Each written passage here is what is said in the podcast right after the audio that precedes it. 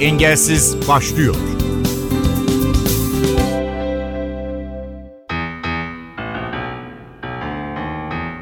Merhaba ben Ayhan Aktaş. Paralimpik sporlarda Türkiye birçok ülkeden hep bir adım önde.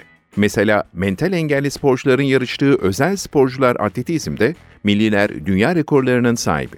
Milli takım antrenörü Aytunç Göz başarının hikayesini anlatacak. Öncesinde gülle branşında hem gençler hem de yıldızlarda dünya rekorunun sahibi Eda Yıldırım yaşam hikayesini ve sportif kariyerine ilişkin sorularımızı yanıtladı. Dinliyoruz. Ben Eda Yıldırım, Samsun'da yaşıyorum ailemle beraber. 2011 Van depremi yaşadığımızdan dolayı ailemle Samsun'a göçtük. Şu an Samsun'da yaşıyoruz hala. 20 yaşındayım, 14 yaşından beri Özel Sporcular Spor Federasyonu'nda milli takımda yarışıyorum. Aynı zamanda Dünya Gençler, Dünya Yıldızlar rekorun sahibiyim. Okullar arası Türkiye Şampiyonası rekorun sahibiyim. Kendi yaş kategorimdeki Türkiye'deki rekorlara sahibiyim. İlk başta futbolla başladım. Ardından da Erasmus öğretmenim Bizden sayesinde atletizmle tanıştım. Ben spor başladığımda güllenin ne demek olduğunu bilmiyordum. Yani ismini bile duymamıştım ve çevremdeki insanlar hep bir tepki, aile çevremdeki insanlar olsa hep tepki göstermişti bana. Güller kişidir, kız, kadının orada, kızın orada ne işi var diye tepki göstermişlerdi bana. Zaten spora başlamam, babam çok karşıydı spora başlamamdan. Biliyorsunuzdur doğu kızlarına pek bir şey yaptırmazlar. Okumak bile haram gibi bir şeydi benim dönemimde. Babam karşıydı. Biz bu engelleri aşmak için elimizden geleni yaptım. Hatta şöyle ki antrenmandan evden antrenmana gitmek için kaçtığımı bile biliyorum. Dilan teyze her gün babamı arıyordu yanımda diye. Servis gibi beni eve bırakıyordu, evden alıyordu asla yanlış bir şey yaptığını düşünmüyordum. Çünkü benim arkamda kızı gibi annem vardı. Annem her zaman arkamda duruyordu. En büyük destekçim oydu. O hep bana ayaklarının üstünde dur, bu spora git. O hep bana motive kaynağı olmuştu. Neden annen babandan daha farklıydı sana göre? Annem çünkü e, annemi okutmadılar. Annemin inanılmaz okuma hevesi vardı. Küçük yaşta evlendirdiler. Ayaklarının üstünde durmak ne demek olduğunu bilmiyordu. Her zaman benim kızlarım ayaklarının üstünde duracak diye hep arkamızda durdu. Elinden gelenin ne varsa hepsini harcadı. O yüzden onun yapmadığı şeyleri bizim yapmamızı istedi. Her zaman o yüzden bize destek oldu. Sizin Samsun'a geliş hikayeniz Van depremiyle bağlantılı. O dönem nasıl bir dönemdi? Neler yaşadınız? Samsun'a geçiş evet. süreci kolay oldu mu sizin için? 2011 Van depremi yaşadığımızda ailemle Samsun'a sadece bir elbiseyle geldik. Kimsemiz yok. Kaygı, endişe, korku. Küçüksünüz, babanız yanınızda yoktu. Samsun'a yerleşiyorsunuz, yabancı bir yerdesiniz, kimseyi tanımıyorsunuz ve aynı zamanda ırkçı insanlarla da karşılaşıyorsunuz. Sizi dışlayan oluyor. Çok zordu. Psikolojik olarak hiç iyi değilim ben. 13 yaşıma kadar psikolojik destek aldım ben. İnsanlarla iletişimim kapalıydı. Herkes bana filmini sorduğunda direkt ağlıyordum yani konuşmuyordum. Ağlıyordum ve direkt o anı yaşıyordum. O yaşadığım kötü ana geri dönüyordum. Benim için çok kötüydü. Ailem için çok kötüydü. Evimiz yıkıldı. Hiçbir şeyimiz yok. Bütün her şeyi geride bırakıp yeni bir sayfa açmak için Samsun'a yerleştim. Eda Yıldırım'ı anlatmak istersen nasıl tanımlarsın? Eda Yıldırım kimdir? Eda Yıldırım, eskiden sorsaydınız bu soruyu Eda Yıldırım kimdir diye tek soracağım iki cümle vardır. İletişim üzürlüsü ve korkak. Şimdi Şimdi sorsanız kendine aşırı özgüveni yüksek olan ve hiç kimseden korkmayan, gözü hırsız bürünmüş bir kızlarım. Spor beni hayata kazandırdı. Asıl Eda Yıldırım'ın kim olduğunu bana gösterdi. Daha önce de başardım. Yapamaz dediler. Kimse bana inanmadı. Babaannem senden hiçbir şey olmaz dedi. Çevremdeki insanlar sen mi yapacaksın bizi güldürme dedi. Gülleye hakaret ettiler, bana hakaret ettiler. Sen şımarıksın, hiperaktifsin, okumayı falan zaten desen okumak istemiyorsun. Çok tepki aldığımda dedim ki ben bu sporda yapacağım. Benim sporda yükselmem gerekiyor. Kendimi insanlara göstermem gerekiyor. 14 yaşındasın ama 20 yaşındaki bir kızın olgunluğunu almak zorundasın. Ben bunu 14 yaşında omuzlarıma, omuzlarımda taşıdım bu olgunluğu. İlk yarışımda şeydeydi, Paris'teydi yine. İlk yarışım yine Paris'teydi. İnsanların çevremdeki insanların bakış açısını değiştirmek için benim o Paris'te madalya almam gerekiyordu. Ya alacaksın dedim, ya alacaksın dedim. Alırsan insanların sana olan bakış açısı, bakış açısı değişir. Almazsan da aynı Eda olarak insanların gözünde kalırsın. Ve orada da ilk Avrupa üçüncülüğümü elde etmiştim. 14 yaşında küçük, küçük bir kız. Büyüklerde Avrupa üçüncüsü olmuştu. Büyük ses getirmişti ama bu bana yeter mi? Yetmez tabii ki de.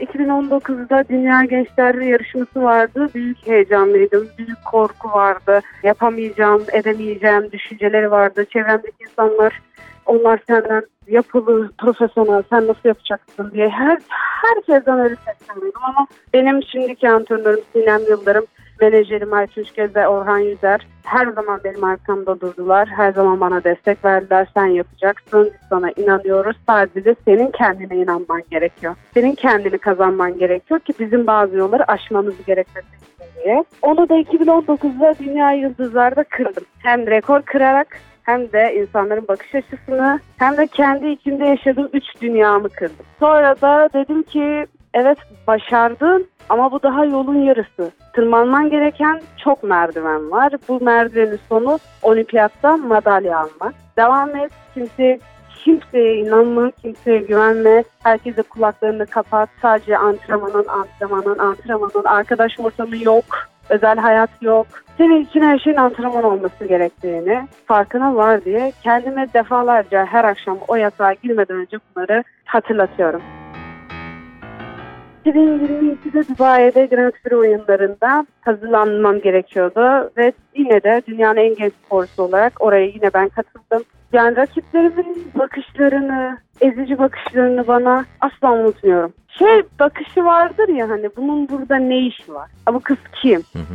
Bu kız ne yapabilir bakışı vardı ve ben bunu hissediyordum ama hep içinden şöyle geçiyordu. Sen onlardan küçüksün, onlar senden profesyonel ama senin gücün, hırsın onlardan daha yüksek. Yap ve çık o yarışta. Yarışa girdiğimde ilk atışımı attığımda herkesin yani bütün herkesin dışarıdan izleyen Fransızların antrenörü, Ukraynalıların antrenörü herkesin bana olan bakışı aniden değişti. Bu kız nereden çıktı oldu bu sefer bizim başımızı çok ağrıtacak diye düşündüler. Evet bu kız nereden evet öyle bu kız nereden çıktı oldu bu sefer. Yarıştan sonra da Dünya Gençler rekoru kırdım 12.45'le ve bu sefer herkesin bakış açısını yine değiştirdim. Şimdiki de değiştirmem gereken büyüklerde en büyük hedefim zaten o. Büyüklerde oradaki Fransız, Ukrayna, Rusya o rakiplerimin ben daha buradayım. Ben burada olduğum sürece siz hiçbiriniz olmayacak derecesine atmam gerekiyor. gülle güce dayalı bir spor. Ee, evet. Eda Yıldırım gülle atmak için nasıl bir antrenman temposu yaşıyor? Ay şu an antrenmanları düşünürken bile yoruldum.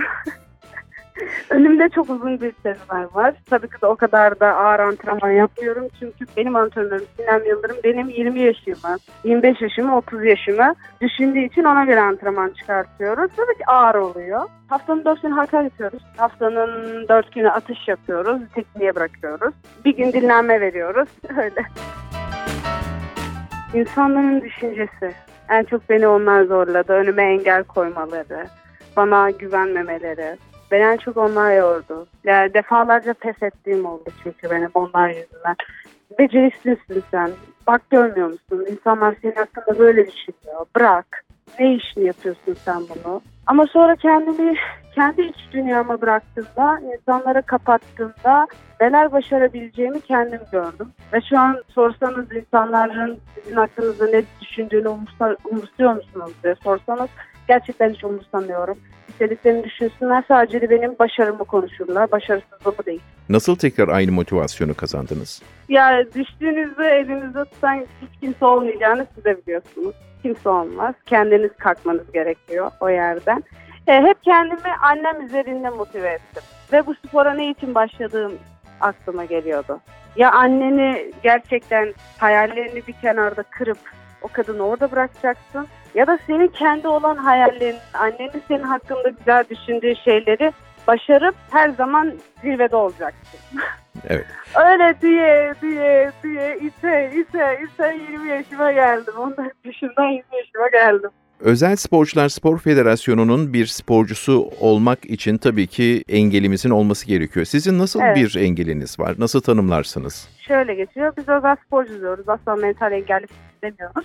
İletişim sorunu. İnsanlarla olan iletişim sorunu, diyaloglar diyeyim, bazılarının okuma yazması. Öyle mental sporcular. Yani bildiğiniz gibi bir engel durumumuz yok. Bedensel engelli gibi değiliz. İnsanlarla olan iletişimimiz sıkıntı olduğu için.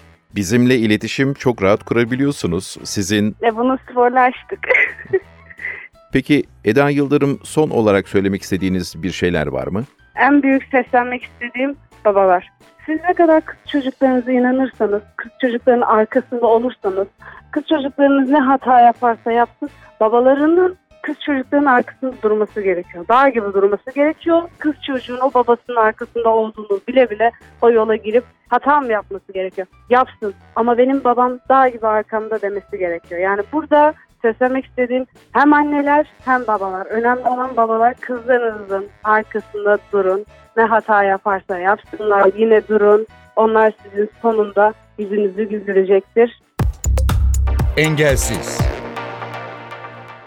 Engelsiz'de şimdi Özel Sporcular Spor Federasyonu Milli Takımlar Sorumlusu Aytunç Göz'le konuşacağız. Zira özellikle atletizmde özel sporcuların elde ettiği başarılar görsel ve yazılı basında sıkça yer aldı. Aytunç Hocam merhaba, hoş geldiniz NTV Radyo'da Engelsiz'e. Hoş bulduk, teşekkür ederiz. Az önce sporcularınızdan Eda Yıldırım'la bir sohbet gerçekleştirdik. Tabii ki bir Eda Yıldırım'dan ibaret bir milli takım yok. Birden fazla sporcumuz var ve hepsinin de başarıları parmakla gösterilir derecede. Özel Sporcular Spor Federasyonu'nun e, çalışmalarından, milli sporcularımızın derecelerinden bahseder misiniz? Tabii ki. Özel Sporcular Federasyonu Başkanımız Sayın Birol Aydın'ın projemiz vardı. Bu proje kapsamında paralimpik oyunlarda yani olimpiyat ve paralimpik oyunlarında biz yalnızca 3 branşta müsabık olabiliyoruz. Bunlar masa tenisi, atletizm ve yüzme. Başkanımızın projesi kapsamında 12 ve 15 yaş arası sporcularımızı yaklaşık 10 yıldır süre gelen eğitim programlarıyla destekleyerek yüksek performans standartlarına ulaşmayı başardık. Bildiğiniz üzere bir paralimpik veya bir olimpiyat sporcusunun en az ihtiyacı olan süre 8 yıldır. Biz bu süreyi tamamladık ve şimdi de bunun meyvelerini toplamaya başladık. Eda Yıldırım da bu sporcularımızdan birisi. Masa tenisinde, para masa tenisinde şu anda paralimpik oyunlara yani Paris 2024'de 1,5 yıl kalmasına rağmen sporcumuz Ebru Acer'le direkt katılım kotasını elde etmiş olduk. Biz öncelikle 2012 yılında davet usulüyle İngiltere'ye katıldık. 2016 Rio'da bir sporcumuzla Mihriban Korkmaz ile Paralimpik oyunlara katıldık. 2020'de ise 3 sporcumuz ile Paralimpik oyunlara katılma başarısı gösterdik ve Esra Bayrak Tokyo 2020'de para atletizm branşında tüm engel grupları arasında en iyi sıralama derecesini elde ederek dördüncü olarak Paralimpik oyunları tamamlamış oldu. Şimdi tabii ki e, merdivenleri böyle çıkınca daha da fazla isteğimiz var. Şimdi para masa tenisinden bu sefer başka bir branştan da direkt katılım elde ettik. Hı hı atletizmden de 4-5 sporcuyla, hedefimiz 5 sporcuyla katılım gösterip inşallah özel sporcular tarihimizde hiç paralimpik oyunlar madalyamız yok. Umut ediyorum ki ve inanıyorum ki Paris 2024'te ilk madalyayı ülkemize getirmiş olacağız. Aytunç Hocam, özel sporcular denilince ne anlamalıyız? Özel sporcular ülkemizde 3 farklı başlık altında inceleyebiliriz. Mental, Down ve Otizm grubu olarak.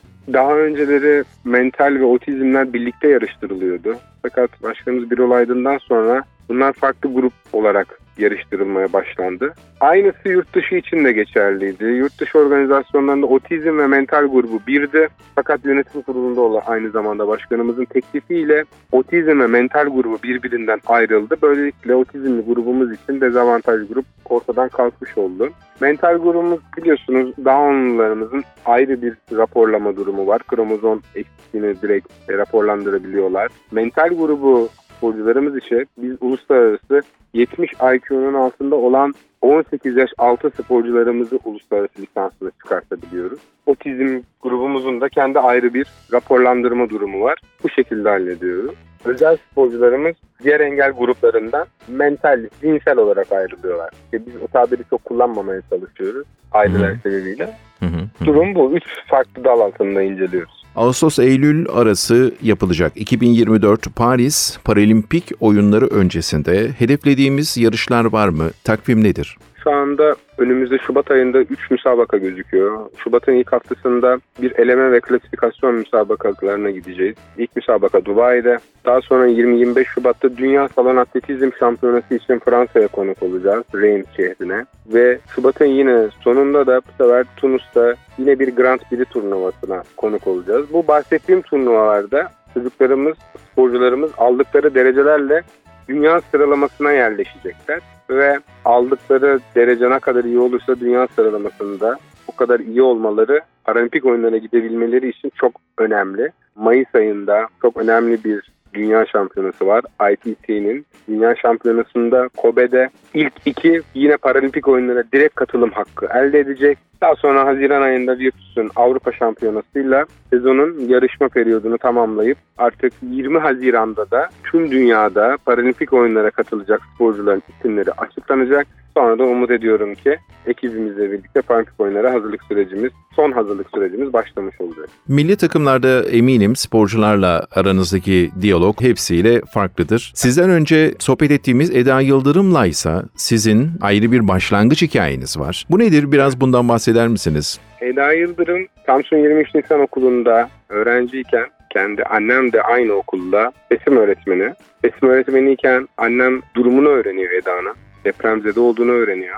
Rapor durumunu öğreniyor ve bana konuyu açıyor. Ben de Eda'yı okula gelip görüp başlasın, e, başlamasını uygun buldum. Daha sonraları Eda'nın koşucu değil de gülle atmaya daha önemli özelliklere sahip olduğunu fark edince bu branşta benden daha iyi olan bir arkadaşıma yönlendirdim, Sinem hocama.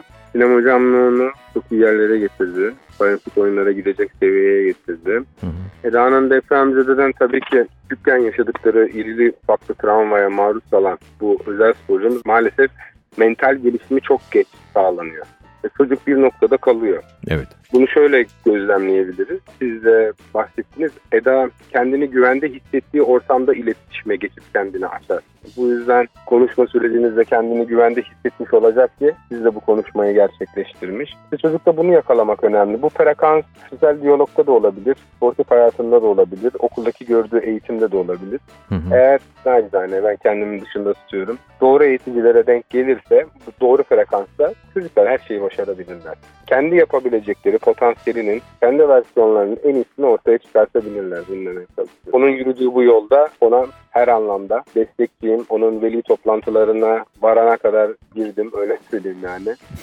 e, o yüzden onunla öyle farklı bir durumumuz var evet. Özel Sporcular Spor Federasyonu Milli Takımlar Sorumlusu Aytunç Göz sorularımızı yanıtladı. Aytunç Hocam son olarak yine söylemek istediğiniz, iletmek istediğiniz mesajlar varsa mikrofon sizin. Aileler için bir cümlem olabilir. Çocuklarının başarmaları için kendi iç dünyalarında farklı sebepler üretebilirler eğer çocuklarını dışarı çıkarmaya çekiniyorlarsa. Görecekler ki kendi başaramadığı şeyleri onda görmenin mutluluğunu, gururunu yaşayacaklar. Onları dünyaya hazırlamalıyız, sorumluluk vermeyiz, özgürlük vermeyiz. Tabii bunu yaparken de aynı zamanda mutlaka korumalıyız. Ama bu korumayı abartıp çocuğu dış dünyadan bu kadar çıkartmayalım. Engelsiz'den bu haftalık bu kadar. Önümüzdeki hafta yeni konu ve konuklarımızla tekrar birlikte olacağız. Ben Ayhan Aktaş, prodüksiyonda Ersin Şişman. İyi günler, iyi haftalar diliyoruz. Programın tüm bölümlerini ntvradio.com.tr adresindeki podcast sayfamızdan dinleyebilirsiniz.